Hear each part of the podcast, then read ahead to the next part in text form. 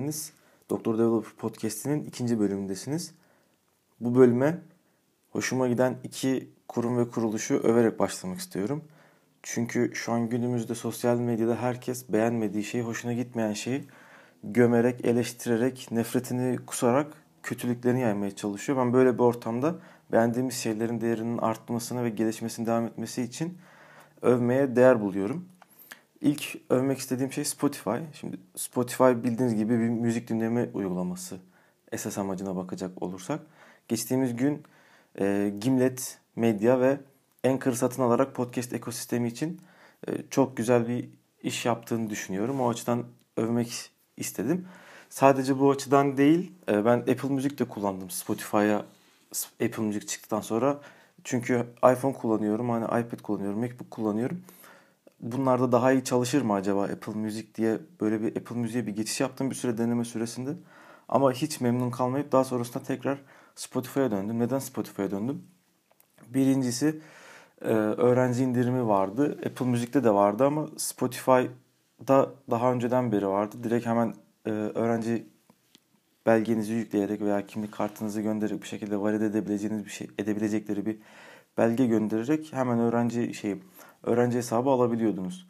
Onun dışında bence Spotify'ın yeni müzik önerileri Apple Müziğe göre çok daha iyi. Spotify'ın e, bu, bu arada Twitter'da aksini iddia edenleri de gördüm ama bence listeler üzerinde ve e, dinlediğiniz müzik türleri üzerinde bir playlist oluşturduğunuzda sonrasında önerdiği müzikler, e, şarkılar, türküler bence gayet güzel bir şekilde çalışıyor. Genel manada demiyorum ama listeler özelinde mesela bir liste oluşturdunuz. İçinde işte sevdiğiniz türküleri veya bir pop müzikleri yerleştirdiniz. Daha sonrasında o liste bittiğinde hani tekrar rastgele çalıyor ya işte o rastgele çalarken aslında e, size yeni bir liste de oluşturuyor. Altta çıkıyor masa üstünde altta çıkıyor.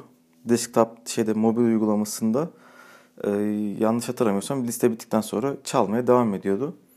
Masa üstünde altta 10 tane öneri çıkıyor. O 10 tane öneriyi ben her seferinde yenileye yenileye e, bir sürü sevdiğim, seveceğim müziği buldum. O açıdan da bence çok güzel bir uygulama. Ben en çok o özelliğini seviyorum.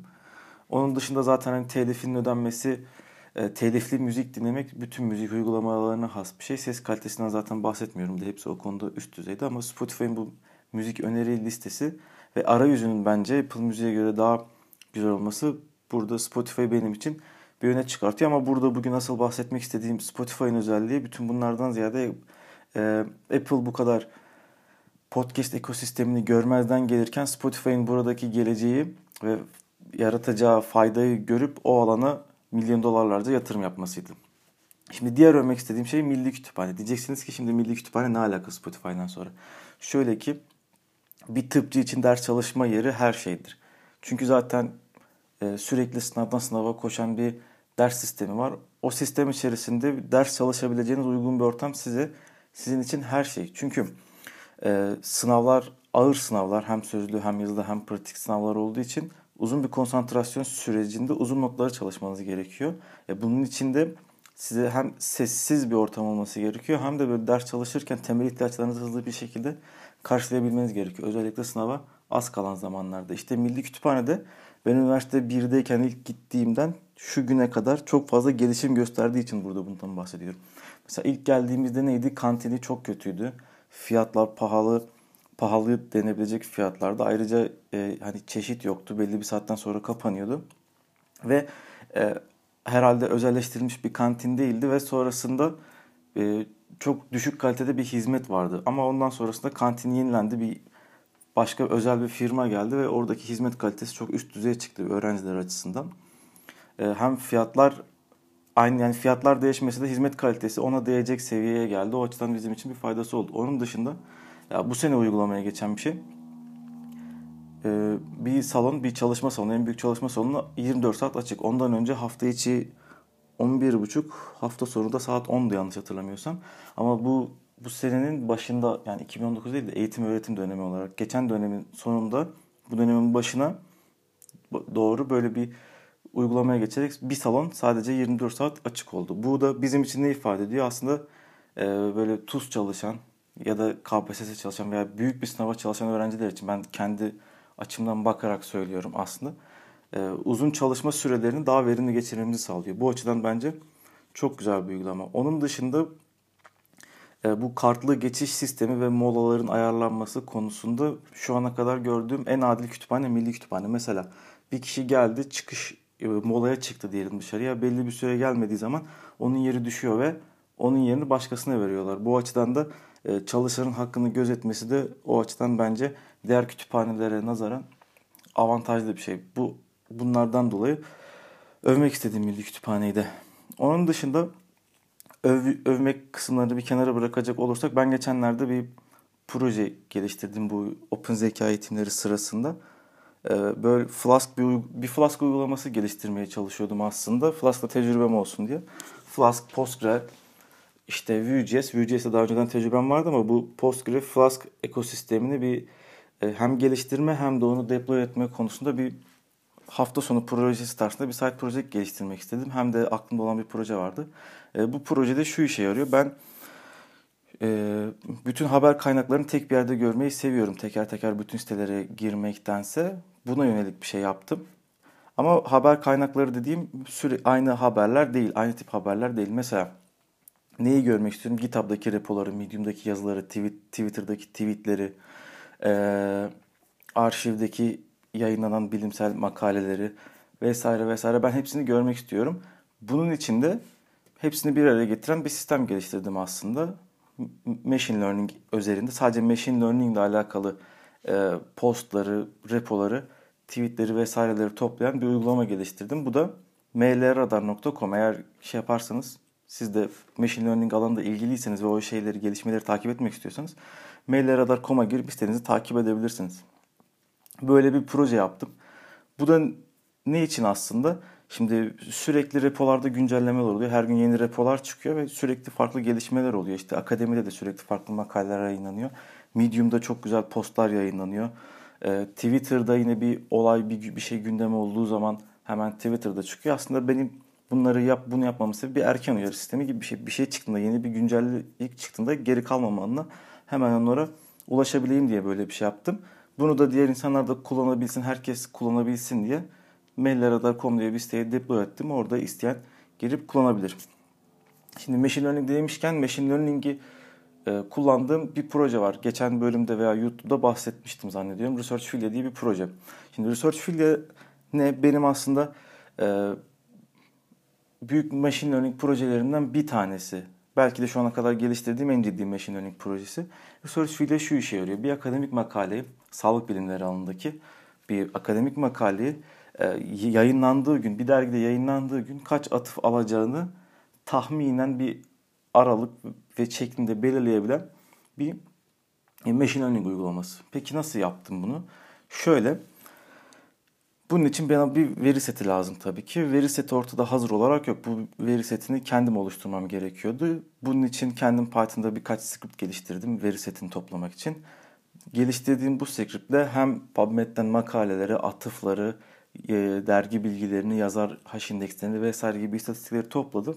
Toplayarak bir veri seti çıkarttım ama bu veri seti toplama süreci çok uzun ve meşakkatli bir süreçti. Neden? Çünkü verilerin hepsi dağınık bir halde. Mesela e, makaleleri PubMed'den alıyorsunuz. Citation'ları, atıfları yine PubMed'den de alabiliyorsunuz. İsterseniz Google Scholar'dan alıyorsunuz. Google Scholar'dan aldığınız zaman e, sürekli bir captcha doğrulamasına, captcha doğrulamasına maruz kalıyorsunuz. Onu bypass edebiliyorsunuz ama ona rağmen yine çok yavaş oluyor. O yüzden orayı ignore etmek zorunda kalıyorsunuz. Ama zaten aynı veri, daha doğrusu daha güvenilir bence olan veri e, PubMed'de de var. Onun yerine PubMed'dekileri çekiyorsunuz. İşte yazar bilgilerini çekmek için yine Google Scholar kullanabiliyorsunuz. İsterseniz yine PubMed kullanabiliyorsunuz. Oralardan verileri çektim. Onun dışında dergi verilerini çekmem gerekiyor. Çünkü her derginin kalitesi, e, atıf sayısı vesairesi farklı sınıflandırılmaları. O verileri de farklı bir yerden çektim. Üçüncü parti bir şeyden, veri kaynağından çektim. E, ondan sonra bu hepsini bir veri seti haline getirdim ve yaklaşık 4-5 milyonluk bir makaleden oluşan bir veri seti havuzu oluştu. Daha sonra bu veri seti havuzunu, veri setini e, daraltmaya çalıştım. Nasıl daralttım? Mesela bazı makalelerin doy numarası yoktu. Doy numarası olmayanları direkt eledim. Neden? Çünkü normalde gerçekten kaliteli bir makalenin doy numarası olması gerekir. Yani fake makale de olabilir ondan. Ondan dolayı çıkarttım onları. Onun dışında işte abstrakt olmayanları çıkarttım. Çünkü ben zaten veriyi eğitirken abstrakt kısmı abstrakt abstrakt kısmını özellikle kullanacağım. Kullanacaktım. Bu yüzden e, abstrakt olmayanları eledim. Onun dışında işte yazar bilgisi olmayanları eledim. Genelde bu kritik bilgileri olmayanları eledim. Ondan sonra elimde en son arıtılmış, temizlenmiş 1 milyon tane makale kaldı. Daha sonra bu 1 milyon tane makaleyi e, ikiye ayırdım. %80'i train seti yani machine learning modelini eğitmek için kullandığım set. %20'sini ise test için eğittiğim modeli test edeceğim. Doğruluğunu gerçekten çalışıyorum diye kontrol edeceğim. Test seti olarak ayırdım.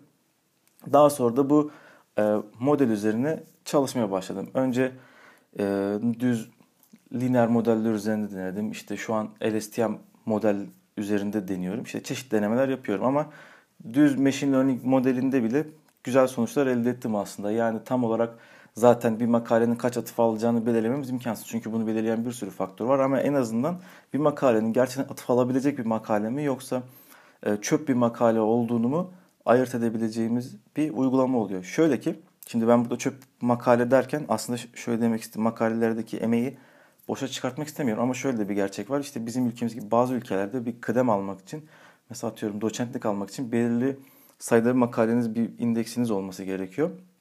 Onun için yazılmış e, abartı abartılı demeyeyim de yani e, nasıl ifade edebilirim onu şu an o ifadeyi bulamadım. Hani aslında amaç amaç için değil de yani bir bilimsel araştırma yapmak için değil de bir indeks bir makalem yayınlansın düşüncesiyle yazılmış gereksiz makaleler diyebilirim herhalde. Bu makaleleri ayırt etmek bir de aynı zamanda e, popüler olabilecek konuları erkenden tespit etmek için. Çünkü bugün bir makale yayınlandığında o makaledeki bilgilerin doğrula şey olması yani doğrulanması değil de literatüre geçmesi, textbooklara geçmesi 5-10 seneyi bulabiliyor. Aslında buradaki amaç da bu. Yani ileride gerçekten faydalı olabilecek bilgileri yayınlanan makalelerden e, ayırt ederek ön plana çıkartmak ve gelecekteki textbooklara geçecek bilgi veya önemli bilgileri erkenden aslında e, haberdar olmak. Neden? Çünkü günde 6000 tane makale yayınlanıyor ortalama PubMed'de. 5-6 bin tane makale yayınlanıyor. Şimdi siz bir bilimsel ara, bir araştırmacıysanız e, o makalelerin hepsini okumanız mümkün değil. Zaten hepsini okumanız gerekmiyor da. Şimdi o 6000 tane makale geniş bir havuz. Bunun hepsini okuyup hani bütün genel sağlık bilimlerine de hakim olmak isteyebilirsiniz. Ama bu 6000 çok geniş bir sayı. İşte buradaki amacımız bu e, kalbur üstü ya da elek üstü mü denir ona? Kaymak tabakadaki makaleleri tespit ederek yani minimum sürede minimum makale okuyarak maksimum verimi elde etmek aslında. Bu amaçla geliştirdiğim bir uygulamaydı. Şimdi Research Field'i geliştirirken e, işte GPU gerektiren birkaç model denemesi yaptım daha daha önce. Ama şöyle bir sıkıntı yaşadım bunda da. Benim bilgisayarım Apple MacBook olduğu için GPU'm yoktu ve sadece CPU'm vardı. Bundan dolayı da e, eğitirken sıkıntılar yaşadım. Ne gibi sıkıntı yaşadım? Bir kere CPU olduğu için büyük modellerde gerçekten çok yavaş çalışıyordu. Çünkü CPU'nun gücü zaten GPU'ya göre çok az. Peki bunun sebebini ben Apple kullanıyorum ve Apple bilgisayarlarda Nvidia GPU yok. Olan olan GPU'larda da zaten AMD var. Bende hiç ekran kartı yok. Yani GPU yok. Ondan dolayı da sıkıntı yaşadım. Ee, işte şirkette de bu tip uygulamalar geliştirdiğimiz için şirkettekiler bana diyor ki ya sen niye Apple kullanıyorsun vesaire vesaire. Ben de dalga geçiyorlar işte Apple kullandığım için sen bununla hiçbir şey yapamazsın gibisinden konuşuyorlar. Ama ben burada zaten Apple kullanıyorum. Çünkü bunu açıklayayım niye Apple kullandığımı. Çünkü kod yazarken, geliştirme yaparken bence büyük kolaylıkları var alıştıktan sonra. Touchpad olsun, mouse touchpad'i sayesinde ya da Apple'daki ismi neydi onu hatırlayamadım. Ee, Magic Pad'di, Magic Pad miydi? Hatırlayamadım ne olduğunu da. Ee, o touchpad sayesinde mouse'a ihtiyaç duymadan alıştıktan sonra çok rahat bir şekilde kullanabiliyorum. Onun dışında şarjı çok uzun süre gidiyor ki bence en büyük avantajı. İlk aldığımda 10 saate yakın gidiyordu. Şu anda majör bir güç kaybı olmasa 5-6 saat rahat çıkartır. Yani şöyle ki hatta ben şirkete gittiğimde şarj aletimi unuttuğumda hiç sıkıntı yaşamadan akşam mesai saatini çıkartabiliyorum. Yani biraz tasarruf edip parlaklığı kısarak vesaire. Çünkü öyle majör güç gerektiren herhangi bir iş yapmıyorum yazılım geliştirirken. Onun dışında ben zaten GPU ihtiyaçlarım için şu an cloud'u kullanıyorum. Yani eğer bir desktop GPU içeren bir bilgisayarım olsa yine onu da kullanabilirim. Ama zaten şu an ihtiyacım için cloud'daki GPU'ları kullanıyorum. İnternet kafe mantığı şu şunu bana aç diyorum kullandığım kadar ödeyip çıkıyorum. Bu bence bir avantaj. Hani direkt GPU'yu bilgisayara entegre ettiğim zaman bu sefer onun ağırlığı olacak. Her yere taşımam gerekecek, güç tüketecek vesaire vesaire derken bilgisayarımı ağırlaştıracak. Onun dışında ben benim en büyük kullanma sebebim ise ben aynı zamanda iOS uygulama da geliştiriyorum. iOS uygulama geliştiriyorsanız Apple'ın kendi işletim sistemi macOS. Bunu kullanmak zorundasınız. Bunu e, farklı yollardan da kullanabilirsiniz. Hackintosh vesaire gibi şekillerde. Ama en güzel, en stabil şekilde kullanmak istiyorsanız e, Mac OS işletim sistemini kullanmanız gerekiyor. Bu açıdan da avantajlı. Ha bu arada bu şey için geçerli. Gerçekten e, Swift'te Xcode kullanarak geliştirme yapıyorsanız bu geçerli. Onun dışında online compiler'lar vesaire de var derlemek için. Ama siz eğer kendiniz kendi hesabınız her şey kendi hesabınız üzerinden kendi bilgisayarınızda Xcode kullanarak yapmak istiyorsanız e, böyle bir çözüme ihtiyacınız var. Onun dışında işte Ubuntu'da vesaire yazdığınız kodları derleyemezsiniz. Bundan dolayı da Apple kullanıyorum. Onun dışında başka bir sebep var mı? Var. Ne az önce dediğim yani hem iPad hem iPhone hem de MacBook kullanıyorum diye. Burada şuna yarıyor aslında. Bu üçü arasında çok güzel bir iletişim oluyor. Mesela e, bizim evin bazı yerlerinde telefon çekmiyor. Mesela nerede çekmiyor? Bizim mutfakta ve banyoya doğru olan e, iç kısımlarda benim telefon çekmiyor ve arayan telefona ulaşamıyor. Şöyle bir şey oluyor. Ben mesela e, telefonu çeken bir yere bırakıp yanıma mutfakta iPad aldığımda hani müzik açmak için vesaire ya da bir şeyler izlemek için içeride telefonum çaldığında iPad de çalıyor ve bu şekilde hani arayanlar bana ulaşabilmiş oluyor. Böyle bir sorunu bu şekilde çözmüş oluyorum. Onun dışında e, aynı zamanda not tutarken veya dersten notları bilgisayara aktarırken ya da bilgisayardan not aktarırken ya da dışarıda herhangi bir yerde bir seminerde bir şeyden not tutarken e, bilgisayarda yazdığı notları direkt hızlıca iPad'e e, Air şey e, AirDrop sayesinde hızlıca aktarabiliyorum. Aynı şekilde tabletten kopyaladığım bir şeyi bilgisayara yapıştırabiliyorum. Hani tabletten kopyalaya bastım hemen bilgisayarda kontrol ve command V yapınca daha doğrusu oraya yapıştırabiliyorum. Bu kendi arasındaki süreklilikte gerçekten çok iyi oluyor. Mesela az önce Spotify'dan da bahsettim. Spotify'da da şöyle bir şey olabiliyor. Mesela bilgisayarda Spotify açık. Ben telefondaki uygulamadan girerek bilgisayarda çalan Spotify'ı monitör mon şey e, monitörize edip aynı zamanda onu değiştirebiliyorum. Hani direkt telefondan ve iPad'den onu kumanda edebiliyorum bilgisayarda çalan e, şarkı, müziği veya her neyse. Bu açıdan da benim için çok avantajlı. Ama benim burada en çok hoşuma giden şey kullanım deneyimi açısından, kullanıcı deneyimi açısından bu bütün cihazların birbiriyle iletişim içinde çalışması ve birinde bıraktığım işi direkt birine devam ettirebilmem. Buna şunu da örnek vereyim şimdi aklıma geldi. Mesela Safari'de çalışıyorsunuz bilgisayarda. İçeri gideceksiniz. Tak hemen telefondan, iPhone'dan Safari açıp veya iPad'den Safari açıp tıklayarak direkt bilgisayardaki bütün sekmeleri iPad'e veya şeye e, iPhone aktarıp kaldığınız yerden devam edebiliyorsunuz. Bu da benim çok hoşuma giden ve alıştıktan sonra sık sık kullandığım bir özellik. Onun dışında iPad üzerinde bir şey söyleyeyim. Şimdi aklıma geldi. Ee, Apple Pen birinci nesil kullanıyorum ben. Birinci nesil Apple Pencil.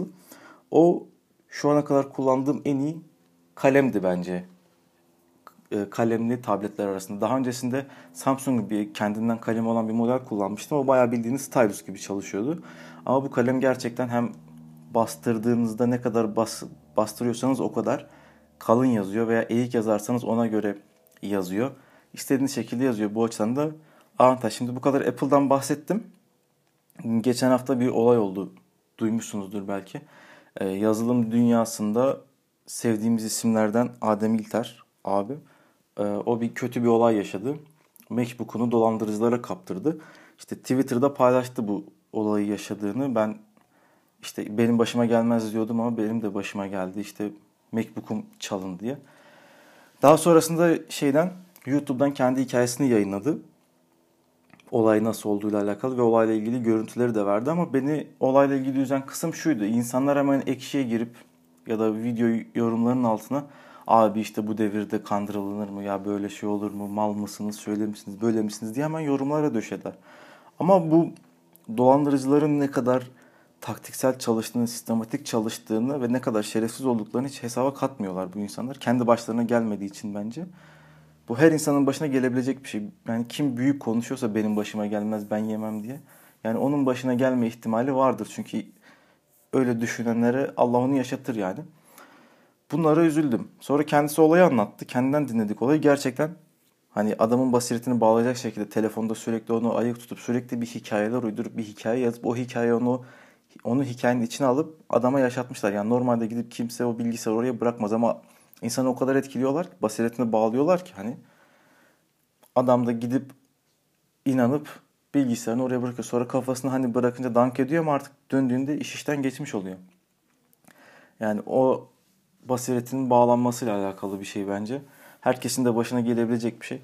Hani YouTube'dan yorum olarak da yazdım ben geçmiş olsun. İnşallah yani kazancı bereketli olsun da e, kat kat fazlasını kazansın yani. Çoluğun çocuğun rızkı çünkü az para değil kendisi söylemişti.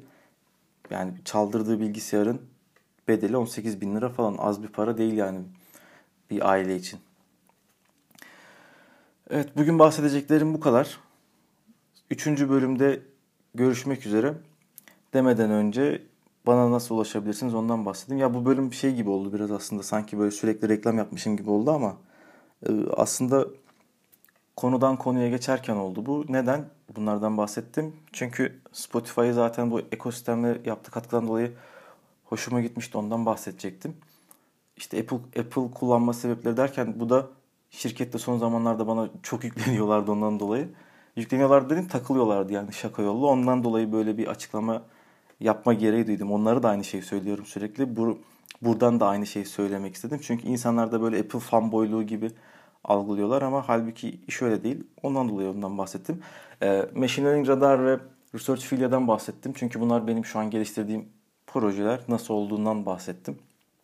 E, kısaca projenin geliştirme sürecinden bahsettim. İleride yayına çıktığında daha çok daha fazla bilgi vereceğim bu Research Filia projesiyle alakalı. Eğer ilginizi çektiyse de bana soru sorabilirsiniz. Bana nasıl ulaşabilirsiniz? aslan.md web sitem, abdusamet.aslan.md e-posta adresim. Bu adreslerden bana her türlü ulaşabilirsiniz. Bütün sosyal medya hesaplarım da orada var. Onun dışında Anchor uygulamasını indirip Anchor uygulamasını kullanarak da şu an podcast'i çektiğim ve dağıtımını yaptığım uygulama Anchor. Spotify satın almıştı bahsettim. Tekrar söyleyeyim. Ee, o uygulamadan benim podcast'imi bularak Doktor Developer podcast'ini bularak sesli mesaj gönderebilirsiniz. Daha sonra ben o gönderdiğiniz sesli mesajları panelde görerek podcast'imin içinde dinleyip size aynı şekilde sesli de cevap verebiliyorum. Böyle de bir yöntem geliştirmiş Anchor uygulaması. Bu açıdan da hoşuma gitmişti. Böyle bir şey de deneyebilirsiniz. Üçüncü bölümde görüşmek üzere. Hoşçakalın.